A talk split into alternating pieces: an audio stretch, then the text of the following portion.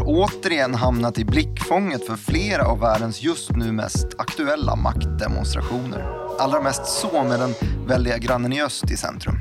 Jo, vi måste faktiskt tala om Ryssland igen, som nu återigen misstänks ha förgiftat oppositionens ledarfigur Alexej Navalny. Och jo, det kan visst ha satt betydligt viktigare händelseförlopp i verket för hela Europa när dominobrickorna plötsligt satt i svang i diktaturgrannen Belarus.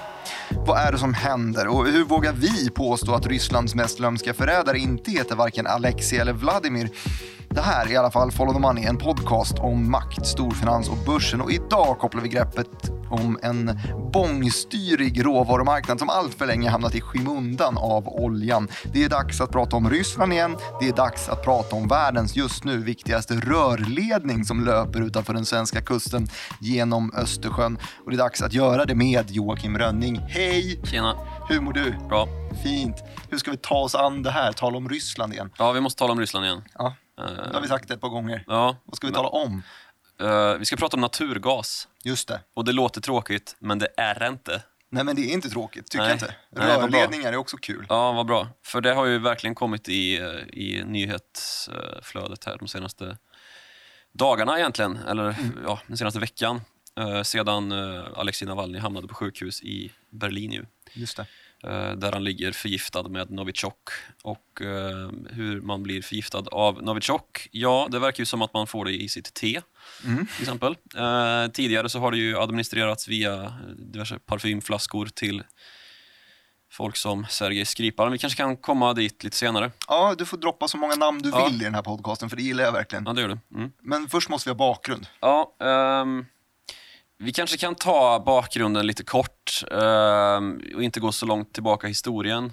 Utan bara konstatera att naturgas är lite av ett coming energislag i vissas ögon. eh, För att det är lite mindre koldioxidintensivt än vad olja är. Eh, och ganska mycket mer eh, ganska mycket mer odåligt än vad kol är. För det är inte bra på något sätt. Nej, Men, det, eh, det har ju ett, ett ganska förrädiskt namn Ja, precis. Naturgas. borde det inte heta, det borde heta fossilgas som jag har sagt säkert förut i den här podden. Mm. Eh, det kallas ju också för LNG, alltså liquid natural gas. Just det. Um, för liquid är ju det är alltså flytande när man först eh, drar upp det och, och sen kyler ner det till eh, 162 grader minus Celsius. Och hur ser den kartan ut egentligen, skulle du säga? Väl, vilka är det som suger upp den här gasen?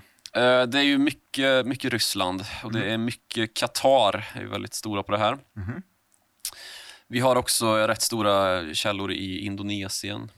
Eh, Men, men i det här programmet kommer vi ju ägna oss nästan helt uteslutande åt Ryssland och Europa. Då ju. Har vi gått över lite från att ha varit en coronapodd till en Rysslandpodd? Och det säger vi ju för att vi har redan haft tre sommaravsnitt eh, om Ryssland. Ja, de får ni faktiskt gå tillbaka och kolla Ja, lite det är på. ju lämpligt att göra det. Eh, Det handlade ju inte så mycket om naturgas just då, Nej, utan det var lite med det här. om, ja, precis, men det handlade ju om och sånt. Ja, och, och hämndaktioner, potentiella hämndaktioner mellan eh, Kreml och deras motståndare, kan man väl säga. Mm. Eventuellt. Men i alla fall, eh, det finns ju då en mängd olika konflikter i världen som just nu rör sig kring den här gasen. Mhm. Och de finns eh, inte bara i vår egen världsdel och där kring utan också från och till USA ju, eller från då mestadels. Det kommer vi också komma in på lite senare, men jag vill i förbifarten nämna den här konflikten som ju har seglat upp på ett väldigt obehagligt sätt i östra Medelhavet där ju NATO-länderna Grekland och Turkiet återigen står på kant med varann. Och då handlar det ju om naturgas. eh, Där Turkiet då har hittat sin största naturgastillgång hittills. Och denna vill man exploatera och trots att man då har en jämförbart ganska liten medelhavskust mot övriga eh, länderna där så, så gör man anspråk då på en andel av eh, havsbotten som inte grannen Turkiet är särskilt eh, glada över. Inte heller Cypern är så supernöjda med det här. Vilka sa vi i konflikten? här? Cypern, Turkiet och Grekland? Ja, precis. Okej. Och Cypern vet vi ju har ju varit en gammal stridspunkt för de här två länderna. Så är det. Eh, Så det, det är ju inte heller jättelänge sedan det var det. Så det, det är ju klart obehagligt, även om de båda länderna då är, är NATO-länder och ingår i samma försvarsallians, så är ju det också en försvarsallians som på grund av Ryssland och Turkiet också är lite i gungning Mhm. på grund av att eh, Ryssland då har fått sälja eh, luftvärnsförsvarsrobotsystem till Turkiet. Eh, de så kallade Alltså, de S-400. känner sig ganska starka just nu. Ja, Turkiet är ju lite av, eh, vad ska man säga, Natos... Eh, den som sitter längst bak i klassrummet i Nato, kan man väl säga. Ja. Och, och Det här är ju någonting som, som verkligen har blivit en stridsfråga inom Nato, då, där ja, alla, förutom Turkiet, tycker att det här är ju en helt sjuk idé att vår värsta... Alltså, Nato bildades ju för att eh, vara en, en motsats till Ryssland. Eh, lägga så mycket muskler som möjligt bakom det som tidigare var västra sidan om, om järnridån. Mm. Och eh, ja, nu i en potentiell konflikt då så kommer ju USAs, USA-tillverkade F16 strida mot varann i, i luften över östra medelhavet. Och det är en, en lustig, eh, eh, lustig, olustig tanke kan man väl säga. Mm. Ehm, Så, Så där har vi- om naturgas helt enkelt. ja, det handlar i grund och botten om naturgas, den här eh, nya uppseglade konflikten. Gör inte strider ofta det då? Inte Jo, de gör ju det nästan råvaror. hela tiden skulle jag säga.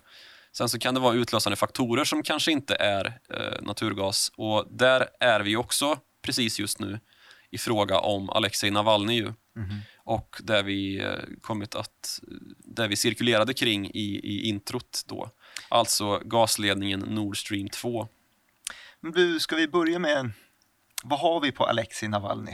Ja, Alexej Navalny då är en... Eh, han är Rysslands största oppositionspolitiker, den mest igenkända oppositionspolitikern i landet. Mhm. Eh, han har varit en stridbar figur i, eh, ja, sedan början av 00-talet egentligen, när han började gå in i, just via bolagsvägen faktiskt, tycker vi om som finanspoddare. Mhm. Eh, han köpte in sig i, i bolag, stora bolag i Ryssland och eh, stämde dem som aktieägare och hävdade att här pågår korruption. Mm. Och eh, har sedan dess egentligen varit en nagel i ögat på Kreml. Då. Och han har ställt upp i en radda av eh, ja, borgmästarval och till politiska eh, församlingen Duman, då, motsvarande riksdagen i Moskva. Och han har blivit då den eh, oppositionsgestalt som har fått ta vid efter att hans föregångare, kan man väl säga, ändå kalla honom, Boris Nemetsov, eh, brutalt mördades invid Kremlmuren 2016-17 någonting där. Exakt. För det finns ju, det är väl det, lite det som är en, en historik som också gör att eh, det här med Alexej eh, Navalny är lite extra läskigt. Är att hans öde, det är inte eh, ovanligt i alla fall. Nej, När du man just ju nämner då hans föregångare. Sen så Ja. har vi också ett par andra nyckelpersoner som jag vet, du är ju bättre på namn än vad jag är, så du kan väl rabbla dem i så fall. Ja, vi, i närtid så, så brukar man väl börja den historien med eh, den före detta FSB-agenten eller FSB-chef. Han var högt uppsatt inom FSB, alltså tidigare eh, KGB, alltså säkerhetspolisen då i, i Ryssland. Mm. Som eh, fick namnet FSB då efter att järnridån föll och Sovjet föll egentligen. Han blev en skvallerbytta, tyckte Putin, som när han tillträdde som president fick besök av eh, Alexander Lit- Litvinenko då, som berättade att eh, det finns en helt omåttlig våg av eh, korruption inom FSB och den måste vi komma till rätta med. Mm. Det tyckte inte Putin var ett sätt att hantera saken på. Vilket då ledde till att Putin, som alltså innan han var eh, president, var chef, högsta chef inom FSB. Just det. Ehm, Det här ledde då till att han fick, Alexander Litvinenko alltså fick påhälsning eh, hemifrån och fick reda på att eh, det här, så här agerar vi inte inom FSB. Vi skvallrar inte på våra kollegor. Mhm. Vilket då fick till följd att eh, Alexander Lit- Litvinenko flydde till Storbritannien eh, och där påbörjade ett mer eh, offensivt propagandaarbete då mot den ryska regim som ganska nyligen ju hade tillträtt där då fortfarande eh, i form av just Vladimir Putin. Han tillträdde ju som president efter Boris Jeltsin där, eh, strax innan millennieskiftet. Och det här ehm, kom ju att bli hans död, Alexander Litvinenkos död alltså. Han eh, mer eller mindre avrättades ju med polo polonium. Eh, Radioaktivt. ja, ett hiskeligt gift Mm. som då hittades eh, miljonfalt gånger högre än dödlig dos i hans kropp. Och det finns ju några ganska kända, eller en ganska känd bild på honom som eh, prydde världens första sidor dagarna efter att han eh, dog. Där han då är, han ser ut som en svårt cancersjuk, men det är inte strålning utifrån utan det är strålning inifrån då, som håller på att förtära honom. Eh, Det finns en, en serie som blev väldigt populär, om det var förra året, eh, som eh, en filmatisering av Tjernobyl. Och det är Ja, det. säkert tagit lite inspiration där sinsemellan. Också Ja, för lite så omöjligt. ser den ut. Eh, det här var ju alltså ett fruktansvärt dåd som eh, skickade svallvågor då från Storbritannien till eh, Ryssland. Men jag kan väl ändå tycka att Ryssland kom ganska lindrigt undan med det här man eh, så uppenbart gjorde då. Eh, för man kunde i den här utredningen som gjordes då komma ner till att Alexander Litvinenko hade träffat gamla kollegor som han trodde stod på hans sida om eh, eh, korruptionen i Ryssland. Han hade fel och blev då förgiftad och som sagt den här dosen var så hög att när man då kom underfund med att det här rör sig om polonium, som alltså ett så potent gift att det är radioaktivt. Så att man stängde ju av den här sjuksalen där, där Alexander Litvinenko hade legat och dött då. Och sen under obduktionen så fick ju eh, obducenterna ha på sig eh, ja, såna här Tjernobyldräkter eller vad man ska säga. Och han var ju som en radioaktiv soptipp inifrån när man väl eh, ja, gjorde den här dödsfallsundersökningen då på honom. Mörkt. Ja, väldigt mörkt. Och sen så har ju det här aldrig fastställts eh, från, från rysk sida. Då. De ryska myndigheterna har ju aldrig klarat upp. Man har ju bara skyllt ifrån sig på att det i, eh, i värsta fall rör sig om en brittisk aktion då för att smutskasta Ryssland. Det är ju så man brukar agera. Att man eh, skyller ifrån sig på att eh, det är ett... eh, Liksom, Det har väl varit lite samma ordalag med Navalny? Ja, också. precis. Det är alltid så här. Man har också då eh, i sin repertoar av mördade eh, oppositionella den eh, välkända journalisten eh, Politkovskaja, Anna Politkovskaja som först utsattes för förgiftningsförsök och därefter sköts i sin egen trappuppgång, har för mig. Eh, dessutom då så kommer vi väl ner till, som jag redan nämnt, Sergej Skripal då i Salisbury 2018. Han och hans dotter? Eller? Han och hans dotter och då var det också fråga om Novichok, det här eh, nervgiftet som man då har hittat i eh, Alexej Navalny i Tyskland då. För han fördes ju, Alexej Navalny alltså, som nu ligger i Berlin, eh, han fördes ju till Berlin efter påstötningar från Alexej, från, från hans fru som låg, låg, på, låg på stenhårt mot eh, både ryska och tyska myndigheter om att, att han skulle få vård i ett annat land än Ryssland och Tyskland låg bäst i hans då.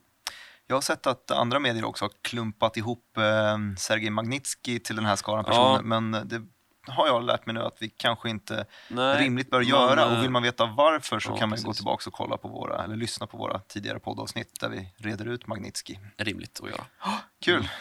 Precis. Ehm, men Ryssland då alltså. Ehm, och den här, den här Navalny-historien har ju skett väl, i väldigt samklang med det som sker just nu i Belarus. Ju.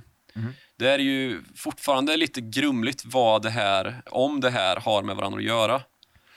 Man tänker, Belarus har ju ingenting med... eh, Russ att göra. nej, men det har ju ingenting med, med Alexej Navalny att göra. Nej. tänker man. Eh, nej, det kanske inte har, men det, jag har hört både en och två Rysslands kännare säga att eh, det kan det visst ha en, en koppling däremellan.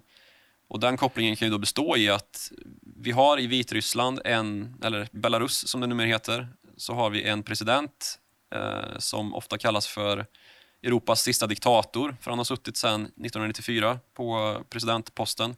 Lukasjenko, va? Ja, precis. Alexander Lukasjenko. Han har förändrat eh, grundlagen så till pass att han ska kunna sitta på livstid. Ehm, han har förvisso gått i Moskvas ledband ganska mycket. Alltså när, eh, När järnridån föll och Sovjet kollapsade så, så blev ju eh, Belarus, då Vitryssland, en egen självständig stat Mm. som var ganska, ganska välnärd, som hade en ganska stark industri och De var väl ganska stora producenter inom just eh, gödningsmedel av något slag va? ja, det var de. Men först vill jag nämna, eh, vet du vad fotbollslaget i Minsk heter? Nej? Traktor Minsk. Aha. Det är för att eh, traktorfabrikens eh, arbetare slog sig samman och bildade fotbollslag en gång i tiden. Starkt. Ja, eh, så man är starka på, på då jordbruks eh, till, maskintillverkning. Eh, och så numera då den största delen av ekonomin utgörs av olja och eh, stål och annan tung, tung råvaruindustri. Inte så mycket naturgas heller. Men eh, vart var vi? Eh, Ja, jag var inne på, på gödningsmedel. Ja, just det. Gödningsmedel. mig. Ja, det är också en väsentlig, eh, väsentlig del av eh, den- belarusiska ekonomin faktiskt. Eh, pottaska, känner du till det? Är du bekant med? Vad har du på pottaskemarknaden? Jo, På pottaskemarknaden så kan jag berätta för dig att, och det här nämnde vi faktiskt precis innan avsnittet, att det finns en, en eh, sidoanekdot att det var ju precis det som fanns i den här lagerlokalen i, eh, i. Beirut som, som exploderade. Mm. Och det var då en leverans som kom från eh, just Belarus, eller Yes, det var det. hur? det är, Eh, ju- man tillverkar ju då gödningsmedel och gödningsmedel är ju explosivt. explosivt. Mm. Eh, det använder ju både heter det, eh, Breivik i Oslo och Timothy McVeigh i Oklahoma Mhm. När de eh, sprängde Vi måste samman. till huvudspåret Joakim. Ja, vi, vi börjar närma oss. eh, tycker jag. Ja. I alla fall, eh, hur vi kommer in på Alexej Navalny och gasmarknaden då, låter ju konstigt. Men det är det inte, för det har då att göra med den här gasledningen som går mellan Ryssland och Tyskland genom svenskt vatten, bland annat. Nord Stream, Nord Stream och Nord Stream 2 till och med. just det. Som då försörjer Tyskland med ungefär lika mycket gas som eh, energibehovet i landet Sverige. Och eh, än så länge så är den ju enpipig, eller hur? Men den är Ja, snart eller- tvåpipig. Ja, 1,9 pipig, 1,95 pipig. Eh, då måste vi reda ut vad menar vi med det. Vi menar att eh, det ligger ju redan en Nord Stream-ledning i Östersjön och Nord Stream 2 är ju då en, ytterligare en bara.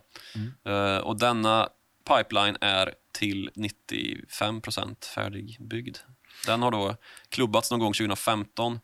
Uh, Nord Stream 1 eh, var klar 2010. Mm. Så det är ju då förbundskansler Angela Merkel som har stått för att eh, signera kontraktet och satt igång den här, det här bygget av uh, Nord Stream 2. Men det är ju faktiskt, eh, vad ska man säga, de finansiella intressena är väl också ganska delade där. Du har ju nu Gazprom som är absoluta storägaren. Mm. Ja, de äger 51 procent, gör de. och sen så är det väl lite så här franska, tyska, holländska intressen. Ja, Eh, precis. De som ägare. behöver gas i Europa egentligen. Eh, Eller norra Europa handlar det väl egentligen om. Och inte norra som i Sverige. Vi får våran gas från, eh, från eh, Danmark mest. Mm. Eh, Men då eh, kontinental, norra kontinentaleuropa kan man väl säga. Okej. Så vi snackar Tyskland, eh, Benelux, eh, Frankrike i viss mån. Inte så mycket men ja, Okej. Sådär. Eh, och det här har ju inte varit uh, okontroversiellt såklart. Det var därför jag sa att det var Angela Merkel som skrev på kontraktet då med Putin. Ja, jag vet att kritiken från svensk håll i alla fall eh, när det här begav sig, du nämnde att det klubbades någon gång 2015, det eh, passar rätt väl in i mitt minne att det var väldigt mycket diskussioner om att låter man en sån här ledning gå igenom Östersjön så ökar det risken för, eh, för inskränkningar av vårt territorium. Och just kring de åren så var det ju faktiskt ganska mycket, det har det varit på senare år också, men just överflygningar från ryska flygplan, eventuellt ryska ubåtar inne i, i Östersjön och härjar. Och den typen av närvaro kan ju då motiveras med att hallå, vi har ett intresse här, vi har Europas största gasledning. Ja, och det är ju också en aktivitet som har gått upp rätt väsentligt. Vi har ju till och med haft en skarp operation på, på Gotland där svenska militären har bullat upp liksom för att förbereda. Uh, nu är det väl ganska låg risk för att, att Ryssland skulle, skulle invadera Gotland just idag eller just för två, tre veckor sedan när det här, när det här var på på tapeten då med den svenska upprustningen av Gotland, nödupprustningen. Men eh, det är ju någonting som eh, eskalerar samtidigt som eh, den här konflikten nu då har utvecklat sig i Belarus och där Ryssland då har gått in och lovat, eller Putin är det ju fråga om då, gått in och lovat en specialstyrka för eventuella fortsatta oroligheter i Belarus. Mm. Um, om, om då väst skulle få för sig att intervenera är ju då uh, den retorik som förs från, från Rysst och uh, Lukasjenkos håll. Då. Mm. Men ja, uh, om vi återgår då till det här som, som knyter ihop Luka, Navalny med Nord Stream är ju att en mängd tyska höga politiker nu kräver att om inte Ryssland kan förklara sig kring den här förgiftningen av eh, Alexej Navalny mm. på ett, ett trovärdigt sätt och redogör för att det här har inte med staten att göra. Hur fick han i sig Novichok? Ja, precis. Som ju då är ett Sovjetutvecklat nervgift som ytterst få har tillgång till. Och varför sa de ryska läkarna att det var blodtrycksfall? Ja, som precis. Första och det vidhåller de ju. Ja.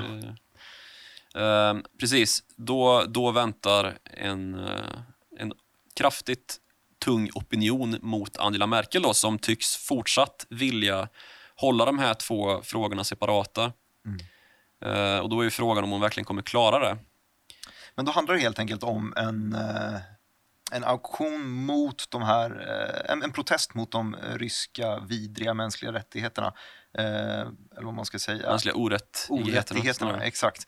Eh, och den yttrar sig då i den främsta pusselbiten de har i, den här, i det här maktspelet och det Mm. är färdigställandet av Nord Stream. Mm. Tyskland har makten att säga nej, ni får inte färdigställa den. Ja. Och då är det ju en jäkla massa pengar som eh, bokstavligt talat, Ja. eh, talat ligger på botten som Ja. du sa i, i. Trading Direkt i morse. Ja, precis. Ehm, och det är ju främst då Gazprom och, och Rysslands pengar som eh, landar där på botten. Lite tyska pengar också Tyska såklart. pengar är det också. Jag tror den tyska investeringen är på 9 miljarder euro, eller något dylikt läste jag. Det är ett par stycken. Det är ett par, doll, eh, ett par euros. Är det. Ehm, men vi har ju då en, en, en, ska man säga, en intern europeisk marknad för den här gasen. Mm. Och Det har ju varit en bricka som har egentligen beröringspunkter till alla de konflikter vi har sett i östra delarna av vår eh, hemregion Europa. Då. Eh, och då pratar jag ju om Ukraina först och främst. Eh, där då rysk gas har haft en transit genom eh, ja, modern tid. Där man ha, har en, en gammal pipeline då som går genom eh, Ukraina på vägen till, till eh, den här nordliga delen av kontinentaleuropa. Då. Mm.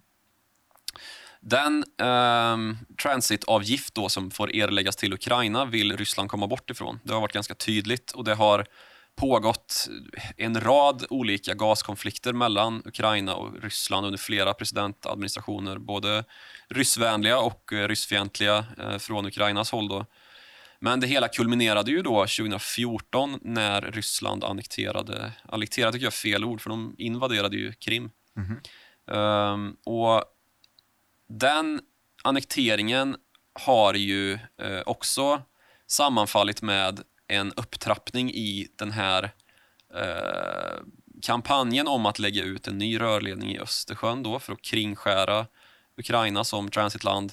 Och dessutom så har man ju påbörjat bygget av den så kallade Turk Stream-ledningen. Så att geografiskt så har du en liksom nordlig ledning från eh, Ryssland, eller två då, Nord Stream 1 och 2. Du har en som går genom centrala delen och det är Ukraina och sen så har du en som kommer söderifrån och det är väl Turkiet då. Ja, precis. Genom Svarta havet. Ehm, den går, det är alltså för att kringskära Turkiet då som eh, transitland. För där har man ju också en, en ledning i, i nuläget som, eh, som går från via Kaukasus då, ner genom Turkiet och in i Europa. Mm. Eh, och det är ju då för att försörja södra Europa med gas. Så det finns ju eh, solklara paralleller att dra här ju till de, de nutida konflikterna. Mm. Turkiet vill ju ha en, eh, en egen gasledning då uppenbarligen. De har ju Man- eventuellt hittat en liten gashåla. Ja, precis. Kan fylla på den själv. Precis, det är ju det som är tanken där då, att man ska skicka egen gas in i södra Europa. Ehm, istället för att vara transitland åt Ryssland nu när Turkstream byggs. Mm. Så det är ju en, en väldigt väsentlig del av eh, vad ska jag säga, den geopolitiska utvecklingen av idag. Eh, just de här gasledningarna. Mm. Ehm, så kan man ju liksom återknyta om man ska följa kronologin lite här då med Ukraina som, som eskalerade till den här invasionen på Krim och det fortsatta kriget i östra Ukraina som ju pågår eh, i någon sorts intensitet fortfarande. Mm. Att det har ju hänt någonting väldigt väsentligt i USA de senaste 15 åren Jaså? vad det gäller råvaror och sånt. Det vet jag vad du menar på nu. Jag sätter ihop pusselbitarna eftersom att vi har pratat om kring det här eh, innan. Eh, Och för att du är smart och för att jag är smart. Ja. Det, var, det var schysst. och påläst. Tack så mycket. Du pratar om frackingindustrin. Jag pratar om frackingindustrin. Ja. För eh, naturgas är ju en, en råvara som ofta eh, framställs i samband, eller framställs som ofta utvinns i samband med, eh, på samma sätt som olja. Eh, och frackingindustrins framväxt, eh, alltså en ny teknik då där man utvinner olja ur eh, jordlager som man tidigare inte har kunnat eh, ja, använda sig av. En teknik då som fick, nådde stora landvinningar i USA här i början på det nya millenniet 2000. När eh, USA gick från att vara nettoimportör till nettoexportör av olja Exakt. på ett decennium ungefär. Mm, precis. Det har ju också lett till ett kraftigt, eh, en kraftig ökning av USAs eh, nettoexport då, eh, av naturgas. Och, och som sagt, man eh, behöver inte ledningar, eller kanske inte har sagt, men man behöver inte bara le, inte ledningar för att transportera eh, naturgas. Liksom man inte behöver ledningar för att eh, transportera olja hela vägen till sitt Det mål. är bara ett billigare sätt att transportera. Ja, precis. Ehm, det är ju då till båts, alltså man fraktar med fraktfartyg. Mhm. Och eh, Det här har ju blivit en sån potent resurs för USA då att använda i det här maktspelet som nu pågår i de här handelskonflikterna som vi har över hela världen. Mhm. Både i, eh, mellan Kina och USA, som ju är den man mest pratar om. Eh, men också mellan EU och USA. Då. Om vi ska ta och börja med Kina då, som ju har blivit eh, ja, världens, jag vet inte om man är störst nu, men en av världens största konsumenter av naturgas eftersom att energibehovet har gått upp så eh, markant. Det känns som att de är världens största konsumenter av Ja, allt. Det borde man ju vara. Ungefär. Eh, Men faktiskt Sydkorea och Japan är också stora importörer av naturgas. Man har ju nästan inga egna naturtillgångar och en stor, eh, ett stort behov av, av eh, importerade. Förutom jordartsmetaller som Ja, vi pratade om i förra avsnittet. Nu knyts det, knyts det trådar här. Ja, det gör det. Men ehm, det var ju det första som hände efter att det här så kallade fas 1-avtalet kom till stånd. Att eh, Kina tilläts återigen att börja importera eh, naturgas från, från USA igen. Eh, på samma sätt då när det skar sig mellan ja, Cecilia Malmström och Robert Lighthizer som ju då är EUs, eller var EUs handelskommissionär, Cecilia Malmström, Mhm. och USAs dito då. När det pågick de här förhandlingarna mellan EU och USA om eh, frihandelsavtal och att man skulle komma bort från de här hoten om att man skulle införa tullar på stål, aluminium och bilar var ju på väg och det ena och det andra. Mhm. Då, det slutade ju med att eh, dåvarande eh, ordföranden i EU-kommissionen, Jean-Claude Juncker, åkte över och satte sig med Trump och lovade då att okej, om ni inte inför nya tullar eh, så kommer vi köpa stora mängder naturgas från USA. Från USA. Ja. Mm. Och Det här har ju direkt att göra med att det finns ett sånt jätteöverskott då av eh, amerikansk naturgas helt plötsligt. USA har ökat sin produktion av naturgas med nästan, man har nästan dubblat då sen eh, frackingen kom till stånd. Så på 15 år så har man dubblat eh, sin produktion. Och därmed, i och med det här ja, avtalet, eller vad man ska säga, eh, den här överenskommelsen med EU, så har ju på senare tid den europeiska gasmarknaden fått ett överflöd av naturgas helt plötsligt. Man får amerikansk naturgas, man får eh, snart grekisk och turkisk, man får Nord Stream-naturgasen. Mm, från alla håll. in från alla håll. Ja. Då blir det plötsligt väldigt billigt gissar jag. Ja, det kan man ju tänka sig. Och plötsligt står Angela Merkel där med mössa i hand och tänker kanske, tänker jag i alla fall, att eh, Kanske inte behöver den här kanske sista går dosen. att tänka om det här. Och det är faktiskt någonting som man har gjort förut. Ehm, då i samband med att, alltså energi och Tyskland är en stökig eh, situation. Mycket kol va? Väldigt mycket kol är det ju man, man klarar sig på eh, för att försörja eh, och hålla lampan tänd i Tyskland. Mm. Och det är ju inte superbra för miljön. Och Tysklands gröna ambitioner har ju skrattats ut ganska länge just för att man är så beroende av kol, sina gamla kolkraftverk. Det vet vi ju. Det har ju till och med varit en svensk valfråga ju när Gustaf Fridolin stod och viftade med en kolbit i, i något val här för några år sedan. Mm. För att Vattenfall var där nere i Tjeckien och eh, bröt kol. Men i alla fall, Um, det har ju Angela Merkel försökt komma runt då med, med, eh, med naturgas i det här fallet. Tidigare så har hon eh, försökt komma runt problemet med kärnkraft. Eh, strax innan 00-talet tog slut så eh, sa hon att vi kör på lite med, vi, vi skrotar de här målen om att lägga ner tysk kärnkraft. Det, det, kommer inte gå. Vi kommer bli för smutsiga med all den kol vi behöver utvinna och, och konsumera. Så eh, vi kör på med eh, kärnkraften, sa hon tills dess att det hände någonting i Japan. Ah, 2011 så smällde Precis, 2011 då så, så inträffar en uh, jordbävning utanför uh, Okinawa var det väl. Ja. Och uh, 20 000 människor dör. Um, och det blir en jättetsunami då som sköljer in över bland annat kärnkraftverksorten Fukushima. Och det blir ett, ja, ett japanskt Tjernobyl nästan kan man väl säga. Mm. Uh, inte riktigt då eftersom att det inte spred sig så som Tjernobyl gjorde. Men, men den största kärnkraftskatastrofen sen Tjernobyl i alla fall. Och uh, Det här fick då till följd att opinionen vände sig så starkt emot Angela Merkels beslut om att behålla kärnkraften att hon faktiskt uh, tvärvände i den frågan. Och in kommer naturgasen. Precis, in kommer naturgasen och nu då när den europeiska marknaden av naturgas är så mättad som den är att man på i alla fall medellång sikt kan se att det här kommer räcka. Liksom. Vi, kommer, vi kommer inte drabbas av någon, något underskott eller några markanta prissvängningar mm. eh, på naturgasen som gör att vi kan eh, liksom bemyndiga oss själva att ha den här naturgasledningen eh, verksam då eh, och istället använda det som ett påtryckningsmedel mot Ryssland.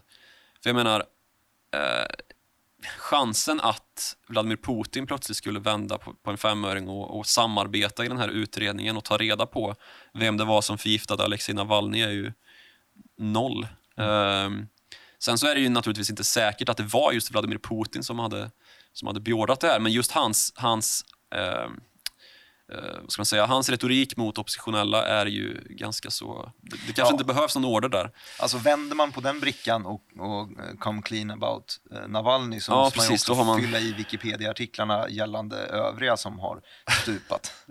Det står ju ja, precis, precis, bara ingenting. Nej, bara... för det, man, vet, man kan ju inte redogöra för det som att Ryssland är ju ett stort svart hål i fråga om de här utredningarna som aldrig kommer, kommer genomföras. Mm. Eh, och Samtidigt ska man veta att vad det gäller utredningar så är ju Putin livrädd för sitt eget skinn i det långa loppet. Han måste ju sitta kvar, annars så... Uh, han är som Lukasjenko. Ja, uh, han klarar sig liksom inte i ett fritt Ryssland. För han är ju någonstans...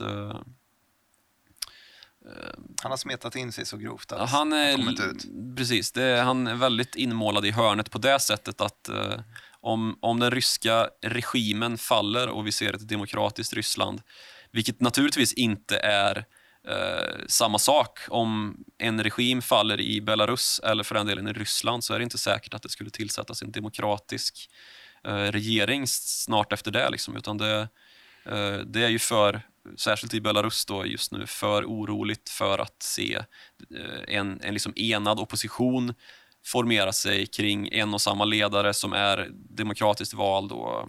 Så det blir sannolikt den som får militären med sig som kan det är ta ju, makten? Det är sannolikt, sannolikt det är, ju, det är i alla fall inte, ingenting man ska utesluta. Mm. Och att det blir en deppig uh, utveckling från där man står då. Uh, demokratier bygger sig inte på en dag. Liksom. Mm. Oj, nu snurrar vi in oss igen här med... eh, Men du Joakim, jag kommer att tänka på en Ja, sak i alla fall som jag skulle vilja Mm. knyta ihop det med. För nu har vi fått ett, eh, en härlig inblick i den här samhällsdebatten, vad vi är just nu. Eh, Men vad egentligen händer om... eh, Vi har två stycken utfall nu. Antingen så färdigställs Nord Stream 2. eh, De här 95 procenten blir 100 och det pumpas in ännu mer naturgas i Europa. Naturgasen sjunker i pris och eh, överflödar en redan mättad marknad. Ju. Eller så sker inte det.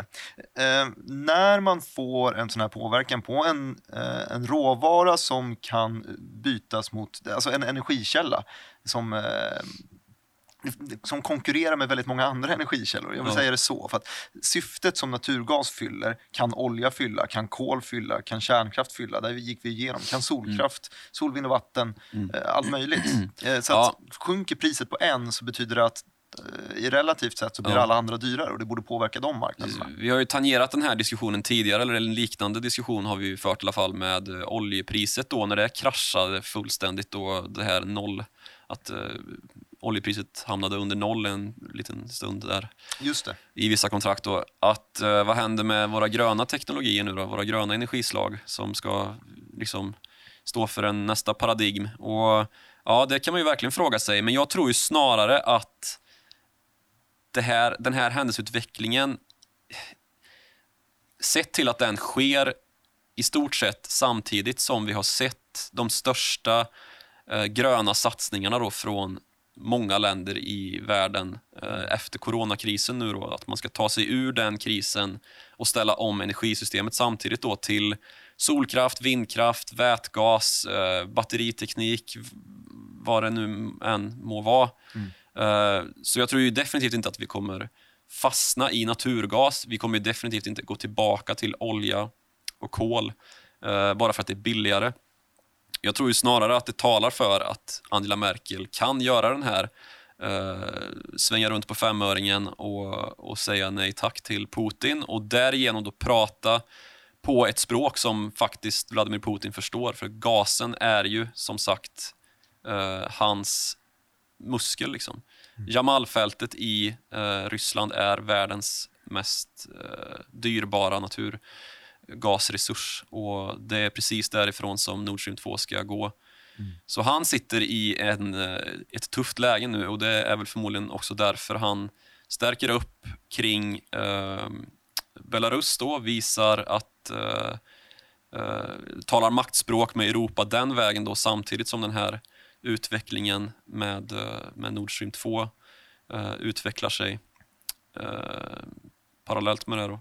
Men eh, i alla fall läge att hålla ett öga på hur det utvecklas för oavsett vilket håll det blir, oavsett om det blir Angela Merkel som, som säger ifrån eller inte, eh, så kommer det ha en påverkan på energimarknaderna. Ja, definitivt. Och Vi ser ju väldigt mycket rörelse där redan innan. Det är ju Ja. väldigt mycket intresse kring dem. Jag Ja. rapporterade senast idag om eh, samarbete mellan en vätgasbränslecellsproducent, Powercell, som du Mm. känner till, eh, har gått ihop med eh, svenska Soltech. Det är två Mm. stycken eh, lite mindre bolag ju egentligen, men Powercell just har ju varit väldigt mycket i media. Mm. Ehm, just för att eh, kunna mm, rikta in sig mot de här stora industrierna. De har ju till exempel, Powercell har ju just ett, eh, eh, tecknat ett avtal med eh, fordonsindustrin i Tyskland som är uppbackad av, ja, Bosch av va? tyska staten. Ja, Siemens och Bosch, men alla fordonsproducenter också, Audi, Daimler, Volkswagen och så vidare. Eh, som tyska staten står bakom. Man, Mm. man vill ju just kunna ställa om de här industrierna. Ja. ja, det finns ju en massa eh, vätgasbolag som är på Stockholmsbörsen. Vi är väldigt tunga där ju. Ehm, Norska också, eller hur? Ja, precis. Och störst av alla, jag vet inte om Powercell och Nel vilket som är störst, men Nel då som tillverkar eh, elektrolysörer, alltså de tillverkar maskiner som tillverkar vätgas. Mm. Och vätgasen är ju en fråga då som har kommit att splittras mellan, ska vi satsa på grön vätgas eller ska vi satsa på blå vätgas? Och grön vätgas då, det är ju sånt som är utvunnen eh, med eh, elektrolysörer då, som tillverkas av Nel, Mhm. eh, som då drivs av grön elektricitet. För elektricitet behövs för att tillverka Okej, vätgas. så då. för att fylla på de här eh, batterierna, bränslecellerna Ja. eh, som är fyllda med vätgas så krävs att man tillför energi i något skede för att göra den här processen. Och då kan man välja om den här energin man tillför är grön eller blå eller grå eller vad Ja, du? precis. Grå finns ju också. Och för att framställa blå, eller ännu värre grå vätgas då, eh, det går i den skalan. Grön eh, är just en grön vätgas. Blå är lite sämre, men inte helt uteslutet då för EU till exempel satsar på. Mhm. Och grå vätgas är väl den som man har uteslutit där man helt sonika liksom använder sig av eh, naturgas och utvinner vätgas direkt därur och sen släpper ut eh, överskottet av eh, naturgas i luften. Istället för att ta hand om den då som man gör med blå vätgas, men där man också då använder naturgas för att framställa vätgas. Och sen så har vi den gröna då som nyttjar sig av eh, elektricitet från gröna energislag som vind och vattenkraft. Och, Som samarbetet mellan Solkraft då. och Powercell kanske. Ja, precis. Det, Det är också variant. dagsfärskt mellan eh, Powercell och Soltech som kom i morse. Mm. Eh, men vätgasen har ju verkligen blivit någonting som... Det har väl mattats av lite grann här under hösten kanske, men precis innan jag gick in i studion här så, så kom det ett pressmeddelande från eh, Nikola och General Motors. Det är ju då, Nikola är ju en amerikansk vätgas eh, Mhm. som då inte har någon serieproduktion än, men det här avtalet man nu tecknat med eh, GM då, som ju är en, eh, ja, en bil och fordonstillverkare i, i global skala så rusade ju den aktien med 50% Så det, det är allt mer som, som ändå talar för att eh, Tesla VD eh, Elon Musk kanske får äta upp de här orden om att vätgas är en eh, ja, närmast en illusion i framtidens energisystem. Jag tror att det, det är nog ingen som vet vilken som kommer slå. Men, Nej, det är ju inte det. men Tesla har ju också fått sin, sin medvind får man väl Det säga. kan man säga. Men de har- Femdubblats typ Ja, år. precis. Eh, Men det var ganska tydligt ändå på, på kursen just innan öppning idag att den här Nikola-nyheten eh, sänkte Teslas aktie några procentenheter till. Eh, och det är ingen direkt, det behöver inte vara en direkt konkurrens däremellan. Eh, vätgas kanske är bättre för lastbilar medan eh, Tesla-batterier är bättre för personbilar. Mm. Så det, det är inte alltid så att det är en konflikt, men eh, just att eh, Elon Musk har bashat vätgastekniken kanske inte innebär att den är värdelös ändå. Och det har vi ju sett eh, många tidigare också eh, ja, inteckna då som eh, Bosch bland annat som har det här avtalet med Powercell. Och det är ju eh, en av världens största underleverantörer i fordonsbranschen. Så det finns ju någon typ av tyngd bakom i alla fall, får man väl säga. Ja, men också en väldigt, väldigt hypad sektor. Det är jättesvårt att göra värderingar på de där nu. Ja, det är ju helt omöjligt. Allt är ju bara på Liksom. Det-. Ja, Det är mycket tankar och mycket hopp om framtiden. verkligen. För att knyta ihop det här avsnittet Joakim, för att vi börjar landa, landa i ett slut tycker jag. Mm. Eh, tycker du också det? Ja, verkligen. Verkligen. Så tycker jag att vi har ju gått på något sätt från att snacka om, eh, ska vi kalla avsnittet för Nord Stream ungefär? För Ja, det är väl det som har gemensamma nämnaren i allting. Mm. Har gått till Ryssland, eh, till eh, mördade oppo opponenter, oppositionsmänniskor. Mm. Eh, landat i den senaste som faktiskt inte blev mördad eh, än. Eh, Alexej Navalny. Som Tredje precis- förgiftningsförsöket var det. Tredje förgiftningsförsöket, han gnuggar just nu John Blund ur ögonen och Vi säger inte koma. att det var Vladimir Putin. Det gör vi verkligen inte. Men det var det. Men det, var det. Eh, och sen så gick vi då från Alexej Navalny, vi pratade om eh, Lukasjenko, eh, Europas sista diktator, suttit 26 år, eh, ses nu på film glida runt med sin AK i handen och eh, vara diktator. Mm. Ehm, och sen så kan vi prata då om eh, Ukraina nämnde vi, Krim 2014 eh, i hela det här. Vi pratade också om pottaska i Beirut och sen så gick vi väl vidare till lite Aktuellt. frackingindustri Ja, och eh, slutade väl någonstans i att det eh, pågår en maktstrid mellan Tyskland och Ryssland och eh, utgången från den maktstriden kan påverka och så hela pratade vi om eh, naturgasöverskottet i Europa och dess geopolitiska effekter och landade någonstans i att det kanske ändå talar för eh, eh, att eh, den gröna tekniken får eh, lite landvinning av det här när, när, vi, när saker väl kommer på plats, eh, om de nu gör det. Det vore väl gott. Ja. Det vore väldigt härligt. Eh, någonting som är härligt, det är ju när folk eh, kommenterar. Det kan man göra på YouTube-klippet, ni som kollar på YouTube. Man kan också kommentera genom att eh, tagga in Joakim Rönning, eller Joakim Ronning. Ronning på Twitter. Ja. Man kan också tagga in mig och jag heter Direkt Martin på Twitter. Mm. Och så kan man skriva vad man tycker. Man kan också mejla till oss på followthemoney.direkt.se. Vet du vad man kan göra mer om man lyssnar på Acast, som jag gör? Nej, vad kan man göra då? Man kan, eh, man kan ge betyg, stjärnmärka.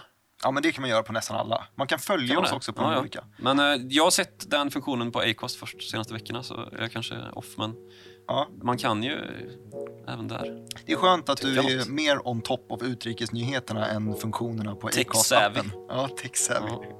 Tack så mycket i alla fall att ni har hängt med. Vi är tillbaks om en vecka. Ha det så fint.